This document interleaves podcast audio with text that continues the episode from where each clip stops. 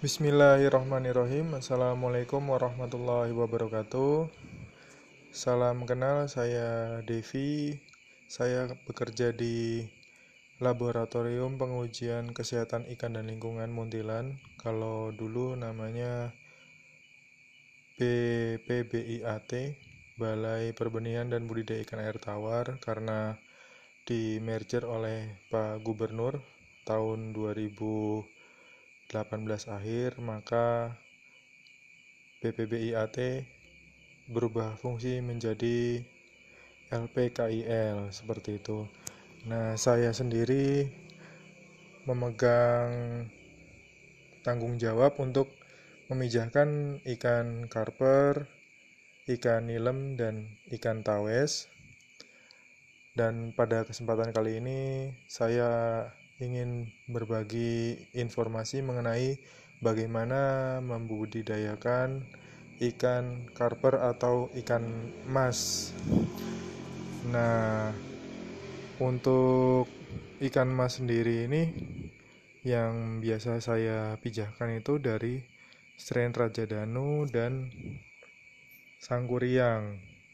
Kemudian ada juga strain merah muntilan. Kalau merah muntilan ini sendiri mirip seperti cangkringan cuman ukuran tubuhnya lebih besar dibanding dari strain merah cangkringan. Baik langsung saja. Hal yang perlu dipersiapkan yang pertama adalah induk ikan sendiri. Induk ikan sendiri terdiri dari dua bagian betina dan 4 bagian jantan. Berarti perbandingannya satu banding dua ya. Satu betina itu dikawinkan dengan dua jantan. Biasanya saya menggunakan empat jantan dan dua betina. Dan apabila ukuran betina lebih besar maka saya tambahkan lebih banyak jantan sampai satu banding 4 selain induk yang dipersiapkan media yang diperlukan adalah hapa atau jaring untuk pemijahan, kemudian kakaban. Nah, kalau yang belum tahu kakaban seperti apa bisa googling. Untuk kakaban sendiri itu tidak perlu buat karena ada yang jual. Mungkin agak sulit dicari, biasanya bisa digantikan dengan media akar dari eceng gondok. Seperti itu. Nah, untuk hapa sendiri itu bisa langsung ditaruh di kolam yang untuk dederan. Jadi nanti ikan itu dimasukkan langsung bersama dengan kakabannya. Nah, untuk penyusunannya sendiri kakaban itu sehingga memenuhi apa yang akan digunakan seperti itu? Disusun rapi. Nanti dijepit ya. Jadi kakaban itu disusun secara horizontal.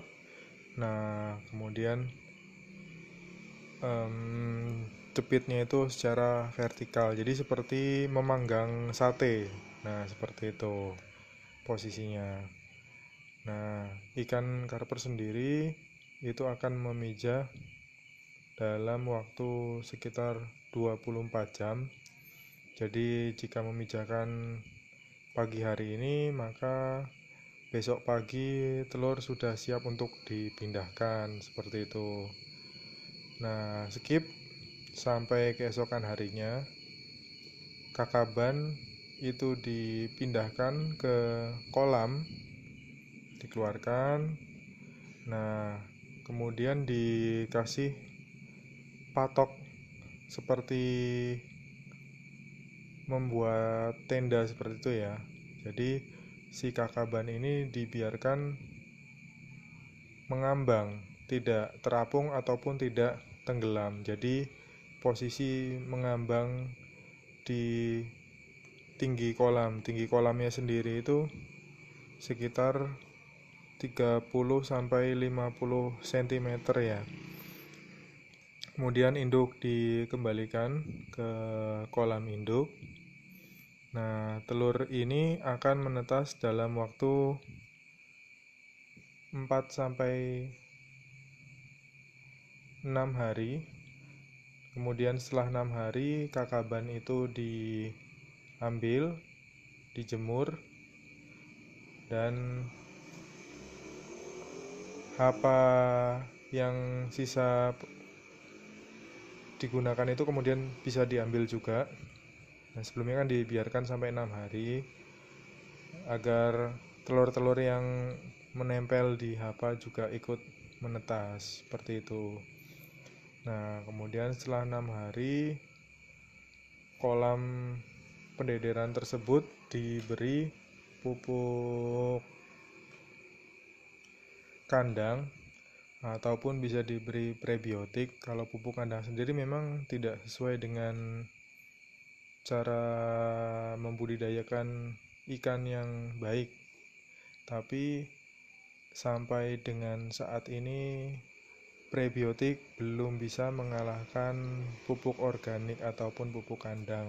Biasanya saya menggunakan pupuk dari gemak atau puyuh karena pupuk gemak atau puyuh ini kotorannya itu lebih tinggi kadar proteinnya sehingga dapat memicu pertumbuhan zooplankton lebih cepat. Zooplanktonnya sendiri biasanya itu seperti moina dan yang lain-lain saya kurang paham mengenai fito dan zooplankton. Nah, ini bisa menjadi makanan larva umur di atas 6 hari sampai umur 3 minggu.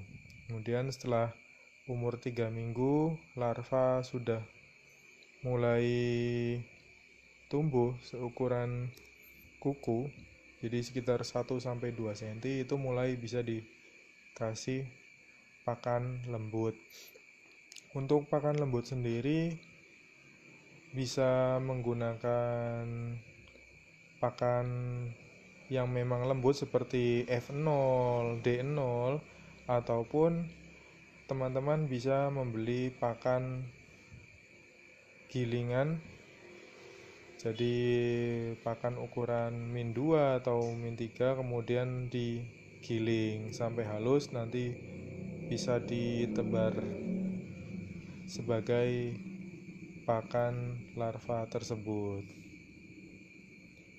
Baik untuk panen sendiri itu dilakukan ketika ikan berumur satu setengah bulan. Nah nanti ikan satu setengah bulan ini sudah siap untuk dijual dalam ukuran cangkiran. Atau nanti apabila ikan belum terjual, maka ikan dapat dibesarkan dan masuk ke kolam pendederan 2 untuk dibesarkan hingga ukuran 5 cm sampai 7 cm. Nah, dari kolam pendederan 2 ini nanti masuk juga ke kolam pendederan 3 ukuran 8 sampai 12 cm. Nah, nanti dari kolam pendederan 3 bisa juga masuk ke kolam pembesaran lebih dari 12 cm ukuran ikannya. Kemudian masing-masing kolam pendederan atau masa pendederan dari 1, kedua, ketiga, dan pembesaran adalah kurang lebih sekitar satu bulan. Untuk pasarnya sendiri seperti di Muntilan ataupun secara umum di Jawa Tengah Carper menempati urutan kedua setelah nila biasanya itu ikan karper atau ikan mas ini dibeli oleh para petani yang biasanya menggunakan sistem mina padi jadi dari hasil penderitaan satu itu yang dijual cangkiran itu nanti diserap oleh para petani lokal yang ada di daerah-daerah setempat sampai dipelihara sampai umur 3 minggu sampai 4 minggu. Kemudian nanti para petani ini menjual lagi untuk keuntungannya sendiri jadi dari dua indukan betina misalkan yang ukuran 1 kilo setiap induk itu dalam satu kolam menghasilkan sekitar 40 sampai 60 cangkir. Sedangkan satu cangkir sendiri itu sekitar 2000 sampai 4000 ekor. Jadi bisa dihitung sendiri. Lumayan. Untuk satu cangkirnya itu berkisar antara 25.000 sampai 30.000 seperti itu.